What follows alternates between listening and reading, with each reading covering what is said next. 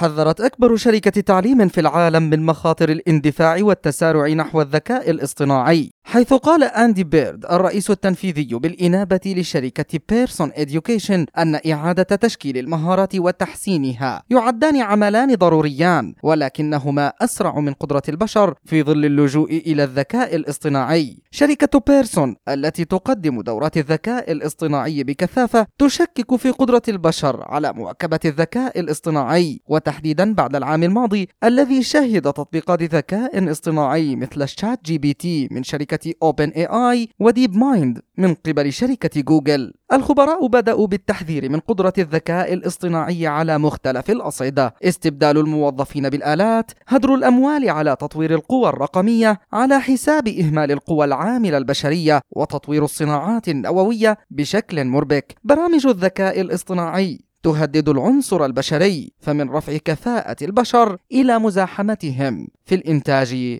والمعيشة. مجد النوري لشبكة أجيال الإذاعية.